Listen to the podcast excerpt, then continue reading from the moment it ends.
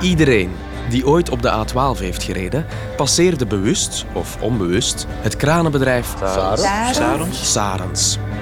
Maar niet iedereen vertraagt daar op de A12. Mijn naam is Achille van Ingelgem en in Senior Sarens vertraag ik, stop ik en duik ik in het verhaal van één man. Ja, dat is onze Jan. Onze Jan. Officieel Jan Sarens. Vader van drie dochters en crisismanager van het kranenbedrijf. En voor dat laatste reist hij de hele wereld rond. Frankrijk, In Jemen, in Saoedi-Arabië, In Amerika, was in Marokko. in Algerije denk ik ook. In Mexico weet ik nog dat hij ons bijeenriep en dat hij zei van ik ga echt verhuizen naar Mexico.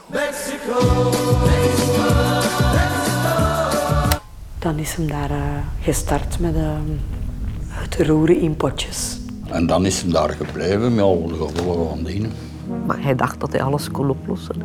Om Jan beter te leren kennen, reis ik samen met Luc Hakens Jan achterna. Helemaal tot in Acapulco.